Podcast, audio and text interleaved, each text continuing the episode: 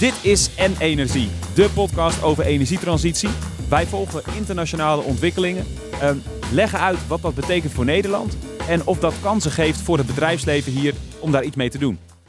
We, dat zijn Peter Melis, dat ben ik, en Timo Spijkerboer. Timo, goeiedag. Goeiedag. Hoe is het met je? Ja, prima. Uh, met mij gaat het goed, maar uh, ik, ik hou me bezig met windenergie. En als je dan op de dag elke keer naar de wind kijkt, dan valt het je wel op dat het helemaal niet heeft gewaaid de afgelopen herfst. Is het echt uh, schrikbarend? Is het echt een uh, recordjaar? Ja, zeker. Sinds 1926 heeft het nog nooit zo zacht gewaaid als deze herfst. Echt? Ja, zeker. Sinds 1926. Dat is niet goed voor de portemonnee. Nee, nou ja, het is maar voor een kleine periode. En uiteindelijk gaat, gaat het natuurlijk om een uh, langjarig gemiddelde. En uh, dus wat dat betreft is er niks aan de hand. Maar het is wel even frustrerend als je dat op de dag uh, volgt. Ja, dat snap ik, dat snap ik. Waar ben je zelf mee bezig geweest de afgelopen tijd? Nou, ik, ik, heb, ik denk dat het hoogtepunt voor mij afgelopen week heeft niks met werk te maken. Nou, indirect misschien wel weer. Maar ik ben naar de film geweest deze week.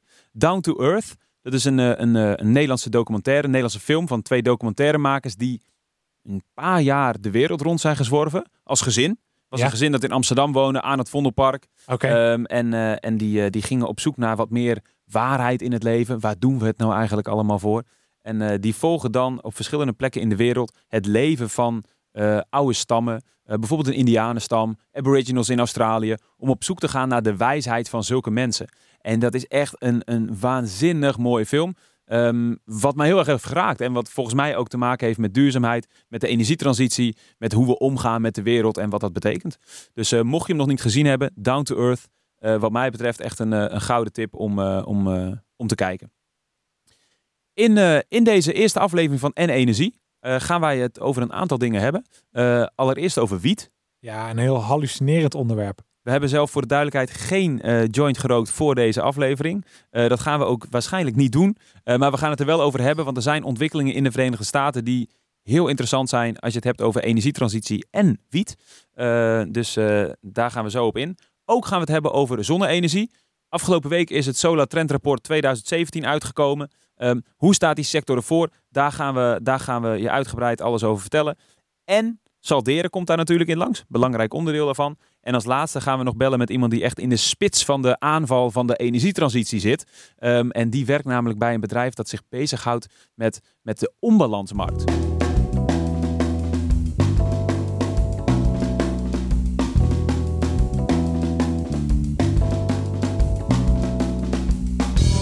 Sinds een tijdje is, uh, is de wietteelt in, uh, in de Verenigde Staten gelegaliseerd in een aantal staten. En dat zorgt eigenlijk voor een hele nieuwe markt. Um, je hebt daar een nieuwsbericht over gelezen, hè, Timo?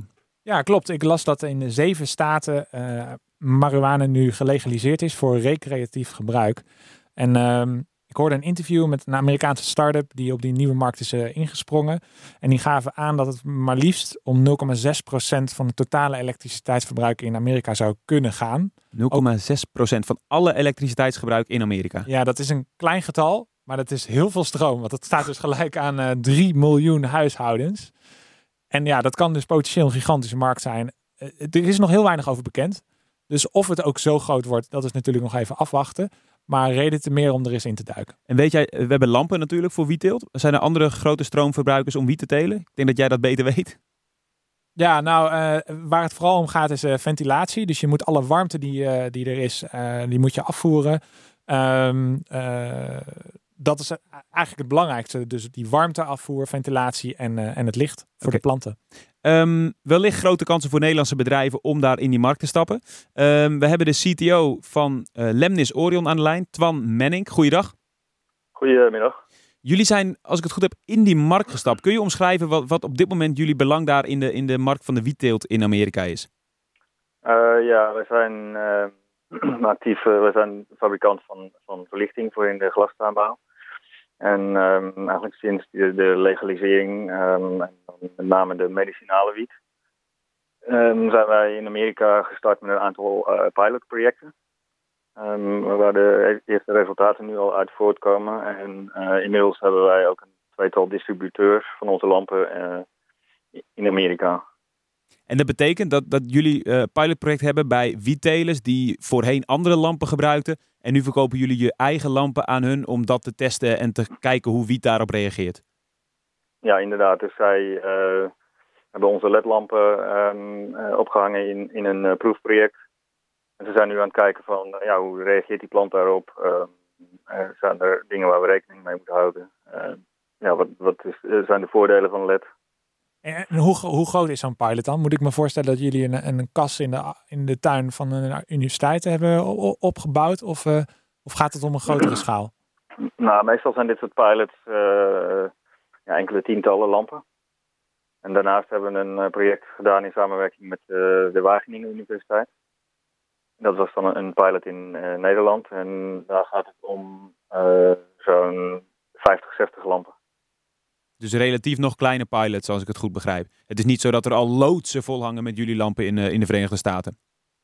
Um, nee, maar er zijn wel. Uh, er is nu één uh, project um, dat zal um, ergens omstreeks maart, mei geleverd gaan worden. En dat is wel een, wat groter project. Waar praten we dan over? Over enkele honderden lampen. En, en hoe, hoe moet ik me dat voorstellen? Hoe groot is dat? Um, dat is in dit geval, ik dacht uit mijn hoofd, een, een halve hectare. Oké. Okay. dat, is, uh, dat begint serieus te worden. Een halve hectare. Ja. ja. Verwacht je daar veel omzet van dit jaar? Hoe, wat is je verwachting van die markt? Um, ja, ik durf zo niet te zeggen, uh, te schatten hoeveel um, dat gaat worden. Die markt is, is nog heel, uh, heel erg in ontwikkeling en ja, de ontwikkelingen gaan ook heel snel. maar we proberen daar zeker op mee te liften, ja. Eh, sinds kort kunnen jullie dus uh, op, op die Amerikaanse markt actief worden. En zijn jullie nu met de eerste pilot bezig. En ik vroeg me wel af, zeker met nu Trump in het Witte Huis zit met al zijn protectionistische maatregelen. Is het niet heel moeilijk om die Amerikaanse markt op te komen? Heb je daar veel ja, barrières voor om überhaupt actief te mogen worden op de Amerikaanse markt? Um, tot nu toe wat wij natuurlijk zijn, zijn tegengekomen is, uh, ja, onze land moest natuurlijk voldoen aan Amerikaanse regelgeving. Dat is uh, niet eenvoudig. Want dat kost uh, zeker een half jaar om, om, om dat voor elkaar te krijgen, zo niet langer. Um, maar dat hebben wij uh, eigenlijk eind 2015 al gerealiseerd. Was dat um, toen eigenlijk ook al omdat jullie aanzagen komen dat dit gelegaliseerd zou gaan worden? Um, nee, in die tijd was dat ook om, omdat er gewoon ook heel veel andere telers in Amerika zitten. Van, van groente en, en fruit die jullie uh, uh, lampen nodig hebben. Inderdaad, ja. Wat ik me afvroeg toen ik hierover na zat te denken. Ik, ik zag dat een uh, lamp nou, kost ongeveer 800 euro, vermogen van 600 watt. Ik zat een beetje zo te rekenen. Als die, als die lamp een groot deel van de tijd aanstaat, dan is een groot deel van, die, van de kosten van die lamp zit hem niet in de aanschaf, maar in die stroom die die, die, die consumeert. Dus ik, ik dacht, nou, waarschijnlijk moeten jullie vooral focussen op uh, kwaliteit, betrouwbaarheid en efficiëntie van die lamp. Klopt dat ook? Uh, ja, dat klopt. Um, we hebben ja, onze lampen de loop der jaren steeds verder ontwikkeld natuurlijk. Um, en deel daarvan is uh, ervoor te zorgen dat de efficiëntie steeds hoger en hoger wordt. En, en hoe doe je dat dan? dat doen wij um, door continu op zoek te zijn naar de, de, de beste LED's. Dus er zijn een aantal fabrikanten in de wereld gerenommeerde eh, bedrijven die, eh, die LEDs maken. En ehm, ja, we zien gewoon dat tussen deze bedrijven er een soort van eh, wedloop is van wie, wie de beste LEDs kan leveren. Dat heeft misschien niet meer helemaal zo met lampen te maken, maar ik, ik vroeg me wel af, stel je bent op dit moment illegale wietteler in Nederland. Ik vind het toch ergens wel fascinerend dat dat een beetje achter de schermen allemaal gebeurt. Maar die, die mensen hebben een gigantisch energieprobleem. En, en, wat ik had begrepen, ik was onlangs bij een presentatie van een, een, netwerkbeheerder. En die liet zien hoe ze slimme software hadden gemaakt. Dat ze dus precies kunnen zien wanneer die lampen aan en uit worden gezet. Want het is mhm. zo'n gigantisch vermogen wat geschakeld wordt. Dat hun software precies kan zien. hey, daar is iets aan de hand. En daar zit misschien wel een illegale wietteler. En op dit moment zijn ze dus bezig met een uh, project om in allerlei verschillende transformatorhuisjes deze software te implementeren, zodat ze precies kunnen achterhalen waar die wietteler precies zit. Waarom hebben ze, waarom hebben ze aan een afschakelmoment? Die, die wietplanten moeten toch altijd groeien? Hm. Ze, ze, ze, um, ze branden toch altijd? Nou, in principe, uh, ja, de, de, de, meningen zijn een beetje verschillend onder de telers, maar uh, wat, wat, we heel vaak zien is bijvoorbeeld uh, dat er um, de zogenaamde groeifase en de, de bloeifase, de vegetatieve fase en, de bloeifase. En dus in die eerste fase worden heel veel uren uh, belicht. meestal 18 of 20 uur per dag. En dan na een x aantal weken dan moet die plant gaan bloeien natuurlijk om, om het eindproduct te maken. En dan, dat doet die plant alleen als hij minder dan 12 uur licht per dag krijgt. Ah, dus hebben een soort van slaapritme daar ook in zitten. Uh, ja, dat heeft te maken met allerlei eh, chemische processen in die plant. En uh, die zorgen ervoor dat hij denkt van nou, nu is het het einde van de zomer. De nachten die worden langer en nu moet ik gaan bloeien. Oké. Wat ik me dan nog verder afvraag bij die, bij die, bij die ja, toch nog even die illegale wietteler in Nederland. Die, die is dus bezig om die, ja, die lampen aan en uit te zetten. En misschien ervoor te zorgen dat dat niet opvalt. maar die heeft ook illegaal stroom afgetapt. En zou die dan ook behoefte hebben aan batterijopslag, aan uh, zonne-energiesystemen? Want het lijkt me toch, niet, toch wel heel erg beperkend als je, als je dat, al dat vermogen moet halen uit die uh, illegaal afgetapte stroom. Ik zat te denken, het is misschien wel een van de, van de eerste, allereerste markten waar je met je off-grid energietoepassingen aan de slag zou kunnen.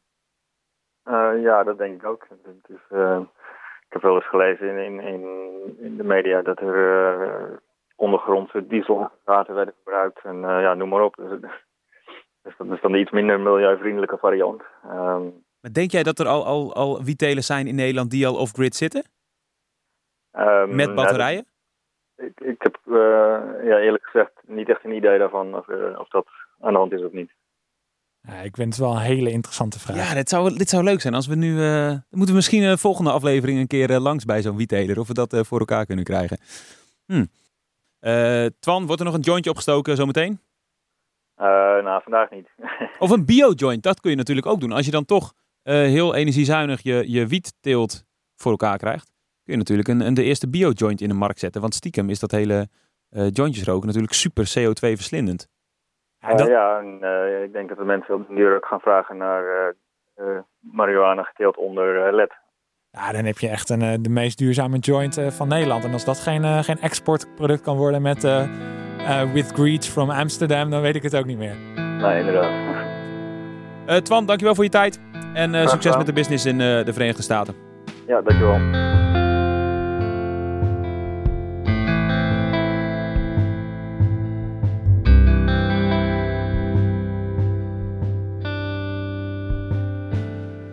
We hebben een gast vandaag uh, in, de, in N Energie, in de eerste aflevering. Um, Rolf Heijnen. Rolf Heijnen is directeur van Soda Solutions, organisator van uh, verschillende beurzen op het gebied van duurzame energie. Um, en hij heeft onlangs het Solar Trend Report 2017 uitgebracht. Daar gaan we het zo meteen uitgebreid met hem over hebben. Rolf, goeiedag. Goeiedag. Maar eerst gaan we jou betrekken in de supersnelle ronde. Wie zei dit ook alweer? Um, en aan jou, Rolf en Timo, de vraag wie deze quote uh, de wereld in heeft gebracht. En um, het is multiple choice, dus ik help jullie een klein beetje. De eerste quote is: Trump kan deze revolutie niet in zijn eentje stoppen. Zei A. Mark Rutte dat, B. Al Gore of C. de president van uh, Mexico, Peña Nieto. Timo, wat zeg jij? Ja, Peña Nieto. Of zeg ik het niet goed? Uh, nou, Peter? we weten wie je bedoelt. Rolf, wat zeg jij? Ik ga voor uh, El Gore. Ja, dat klopt. Dat klopt. Punten voor Rolf. Uh, El Gore die heeft een uh, interview gegeven onlangs. Waarin, waarin het natuurlijk ging over zijn nieuwe documentaire. En Inconvenient Sequel heet hij. Um, en hij is een van de mensen die hoopvol is. Ook al is Trump aan de macht. Sterker nog, hij is ook een goede kennis van Trump. Dus hij praat ook veel met hem. En hij zegt dus ook. Deze revolutie gaat Trump zeker niet in zijn eentje stoppen. En dat brengt toch hoop in deze wereld. Wat toch wat er even een lichtpuntje is.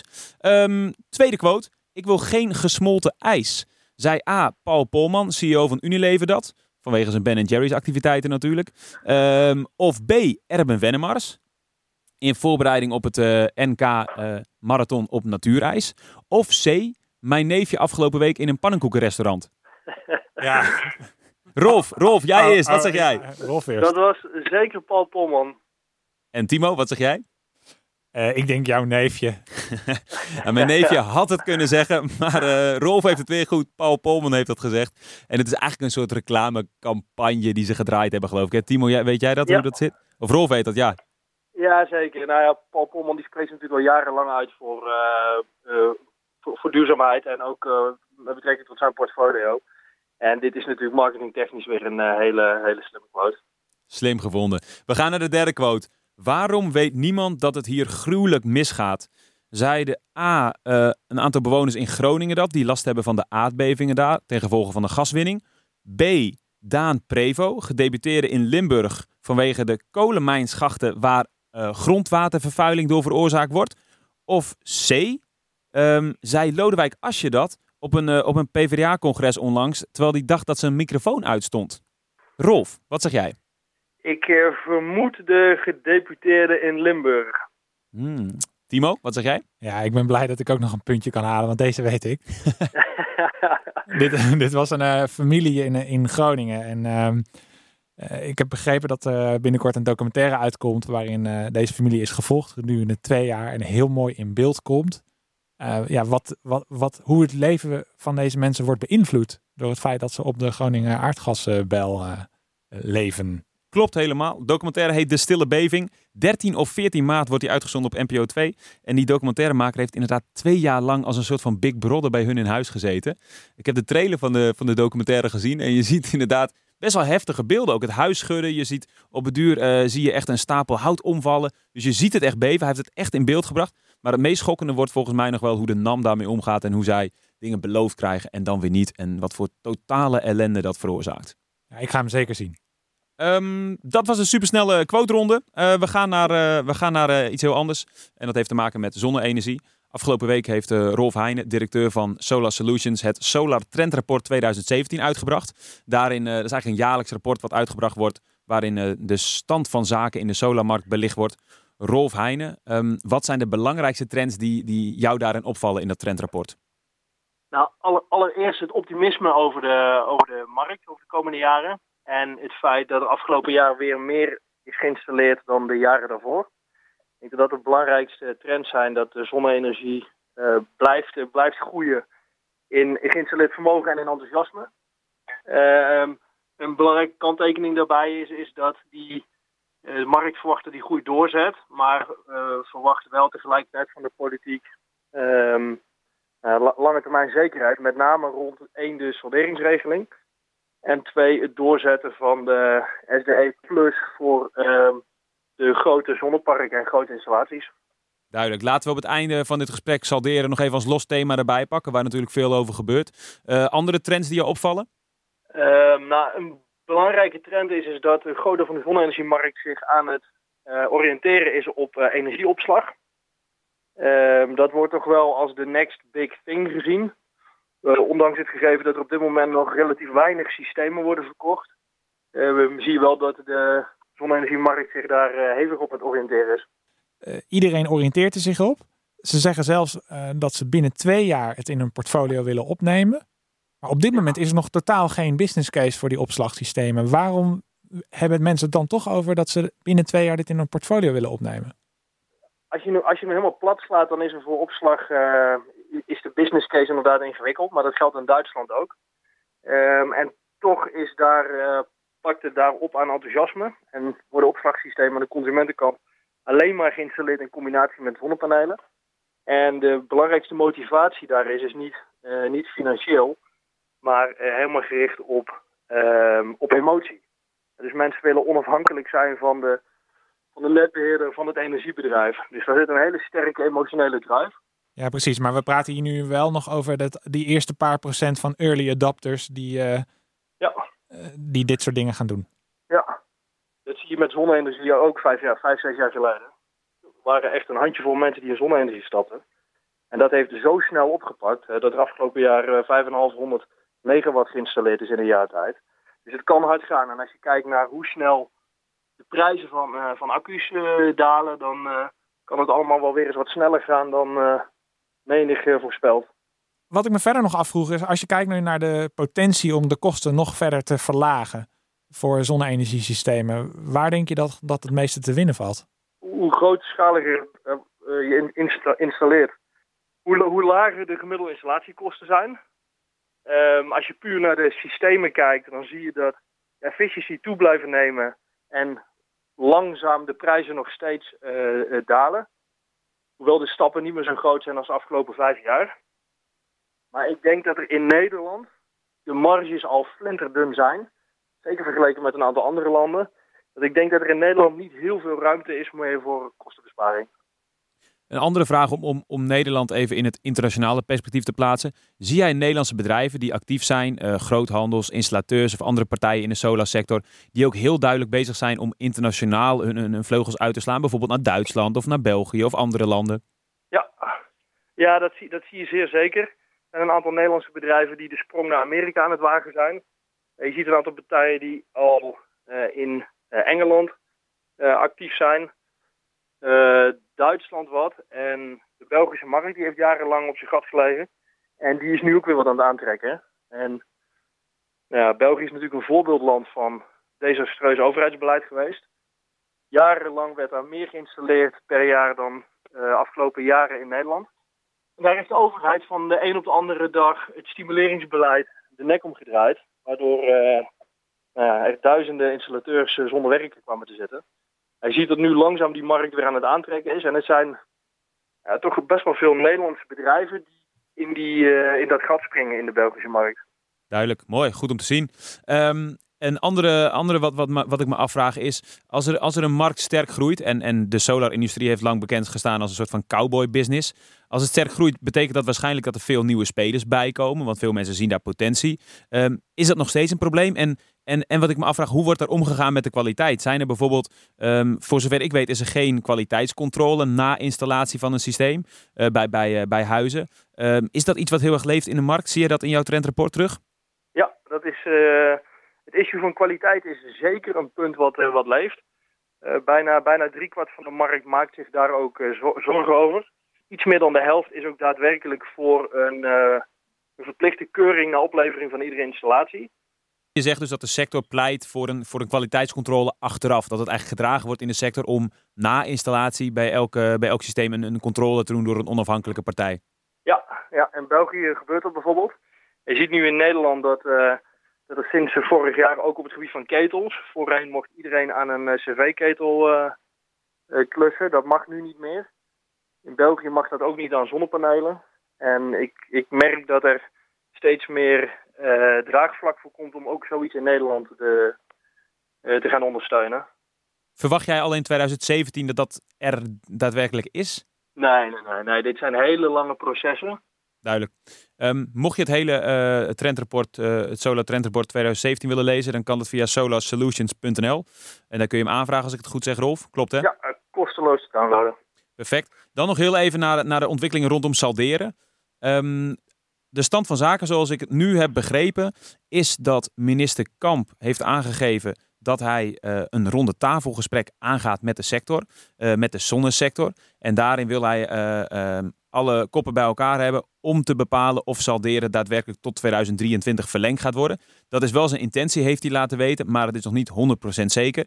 Na die ronde tafelgesprekken um, um, wordt dan zijn definitieve standpunt bekend en, en zal hij waarschijnlijk een voorstel doen. Maar dan is de kans groot met de verkiezingen op 15 maart dat hij al interim minister is. En dat dus ook de Kamerstelling uh, veranderd is. De vraag is dus eigenlijk aan, uh, aan de sector: uh, wat gaat er gebeuren met salderen en hoeveel zekerheid is er nu daadwerkelijk voor de consument? Rolf, verwacht jij dat salderen sowieso tot 2023 verlengd gaat worden? Of, of hoe zie jij die toekomst tegemoet? Ja, de, de, de wens is de vader van de gedachte. Uh, ik, ik ben optimistisch gesteld, dus ik denk dat daadwerkelijk tot tot 2023 wordt doorgezet. Er is in december een motie in de Tweede Kamer aangenomen die breed werd gedragen, zowel door links als rechts, ook door het CDA en de VVD. De partij van de, van de minister die hier een besluit over moet nemen.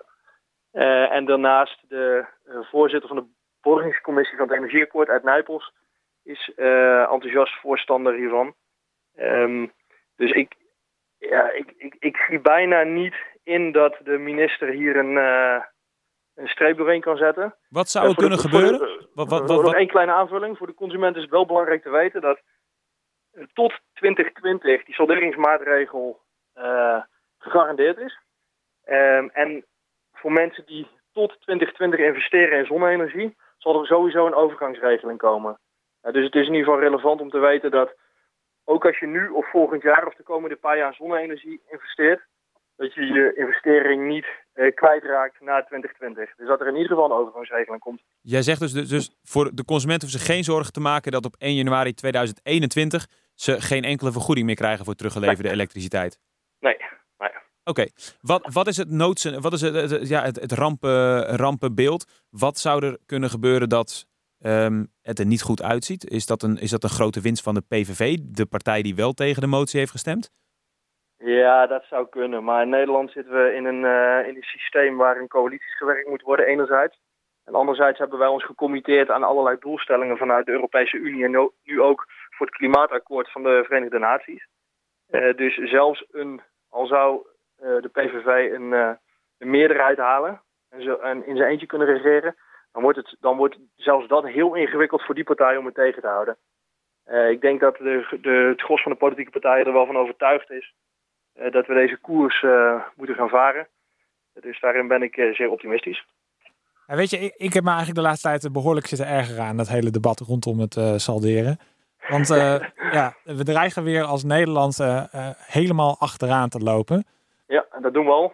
dat doen we al en dat dreigt nu weer te gebeuren. Want als je nou ziet dat, dat, dat die opslagmarkt aankomt, je geeft zelf ook al aan dat iedereen in de sector die kant op wil dan moet je volgens mij ook uh, zo snel mogelijk naar een systeem toe werken waarin je die opslagmarkt gaat stimuleren. Ja. Um, en dat betekent dus dat je salderen gaat afschaffen. En uh, dan, ik hoor dat er een hele grote angst is om, uh, om salderen af te gaan schaffen.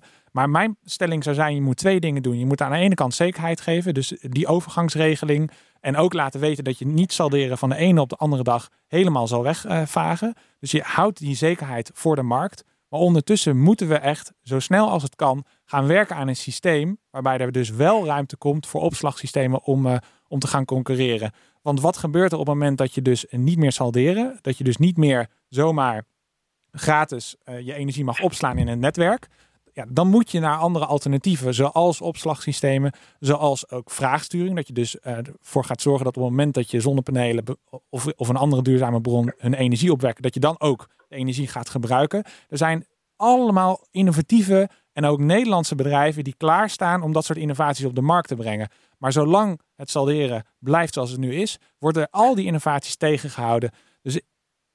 Dat is ook mijn ergernis geweest. Als we dit nu weer gaan voor ons uit gaan schuiven tot na 2020, dan, dan zijn we straks weer de laatste die hiermee aan de slag gaan. En dan, ja, dan helpen we prachtige Nederlandse innovaties om zeep. Ja, ik, ik, ik zie dat toch net, net iets anders. Ik, ik denk dat we al die innovaties wel degelijk moeten ondersteunen. Uh, met allerlei uh, pilots en stimuleringsmaatregelen. Daar zijn wij in Nederland altijd heel slecht in geweest. Maar ik, denk dat als we nu grootschalig in opslag gaan investeren, dat het één, het is nog niet nodig. He, je zegt zelf al, we zijn onderaan het uh, rijtje in de Europese Unie als het gaat om duurzame energie. Dus congestie en allerlei problemen van piek, uh, dat is maar op hele lokale uh, plaatsen aan de orde.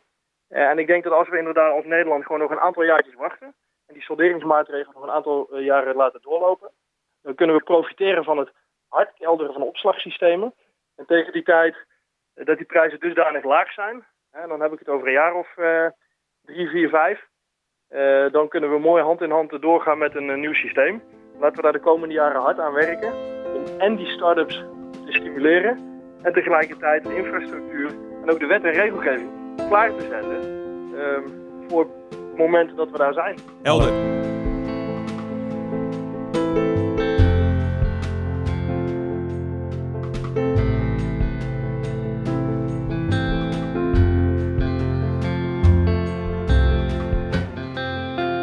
Timo, jij, uh, jij volgt de wereld ook van, uh, van start-ups en van, uh, van nieuwe concepten in de energiewereld.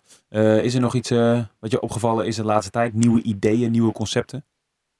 Nou, wat ik dus onlangs zag, is een, een bedrijfje die heeft op de onbalansmarkt van Tenet geboden.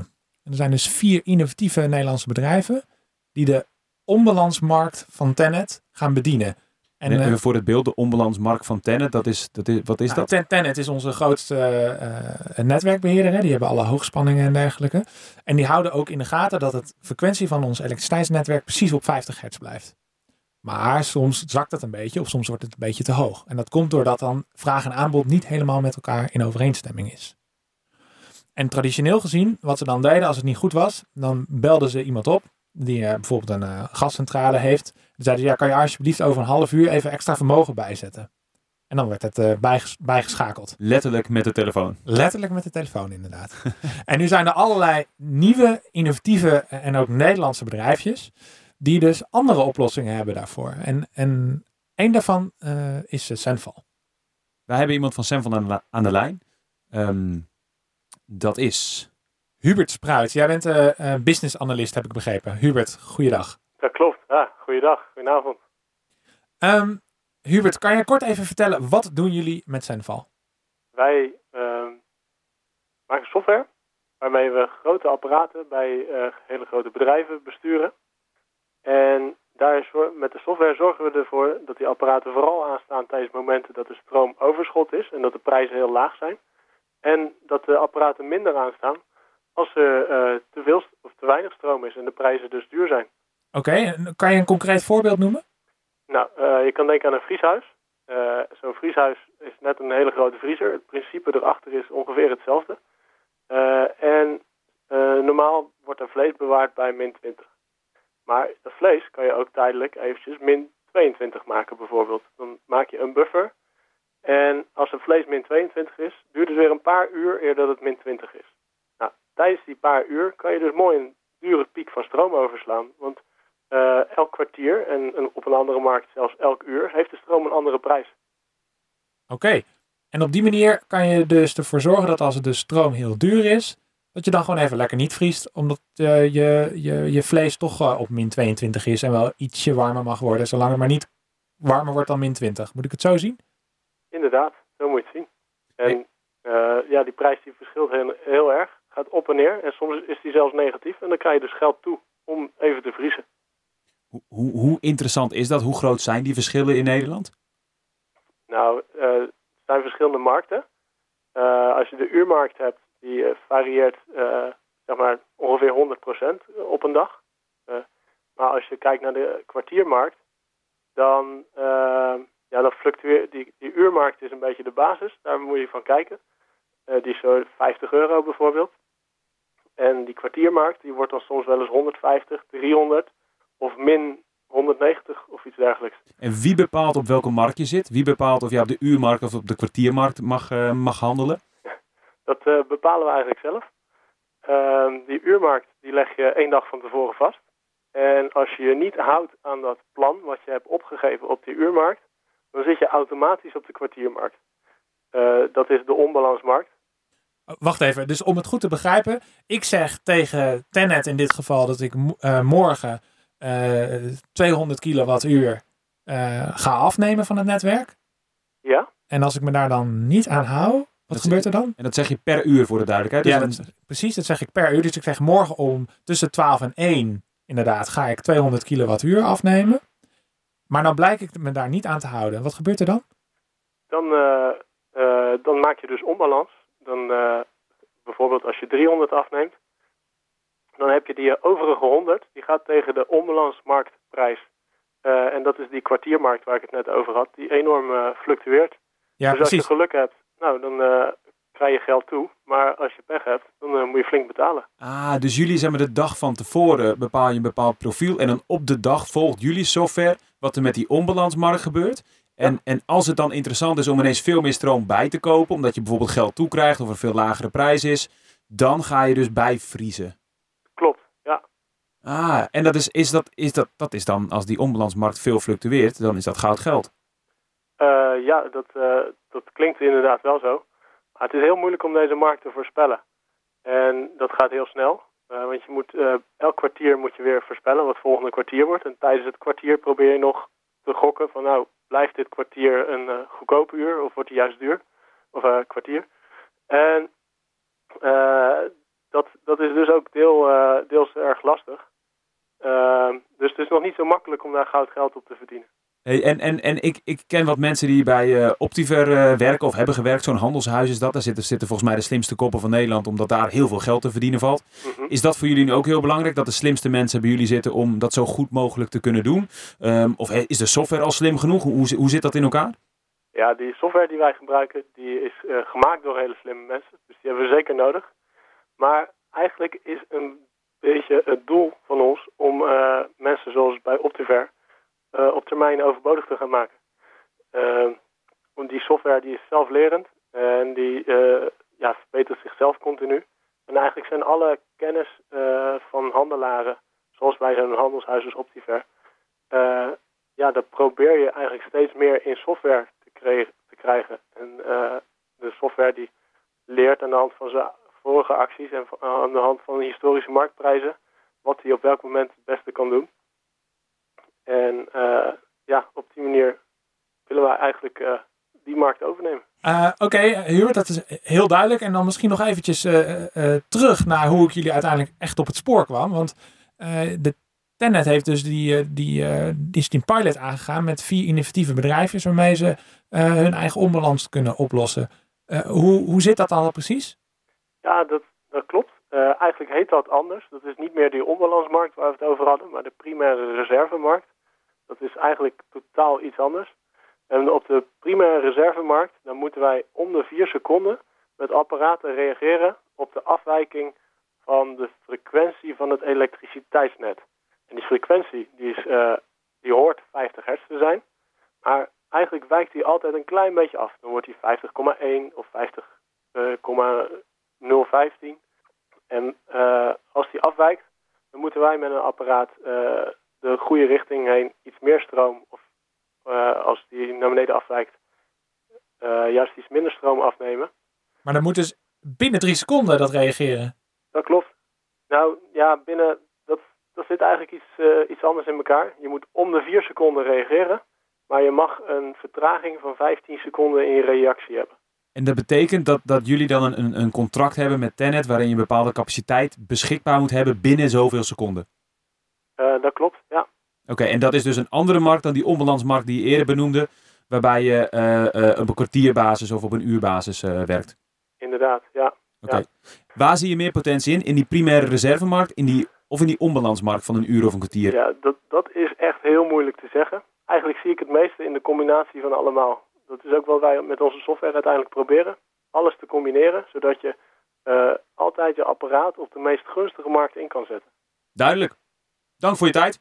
Oké, okay, graag gedaan. Dit was hem, de eerste aflevering van N-Energie. Um, mocht je dit leuk vinden, deel het met, uh, met collega's, vrienden, bekenden. N-Energie, wij volgen alle ontwikkelingen over energietransitie. En uh, proberen daar voor jou een mooi beeld van te geven wat er gebeurt in die wereld. Deel het vooral. Uh, geef ons een, een duimpje omhoog. Of stuur ons een bericht met ideeën voor een volgende aflevering. Daar worden we blij van. Timo, jij hebt genoeg werk aan de winkel de komende tijd, toch? Ja, zeker. En ik vond vandaag weer fantastisch leuk. Hele interessante gasten met mooie verhalen. Die ja, stuk voor stuk met hele interessante en slimme innovaties bezig zijn. Top. Wij spreken elkaar snel.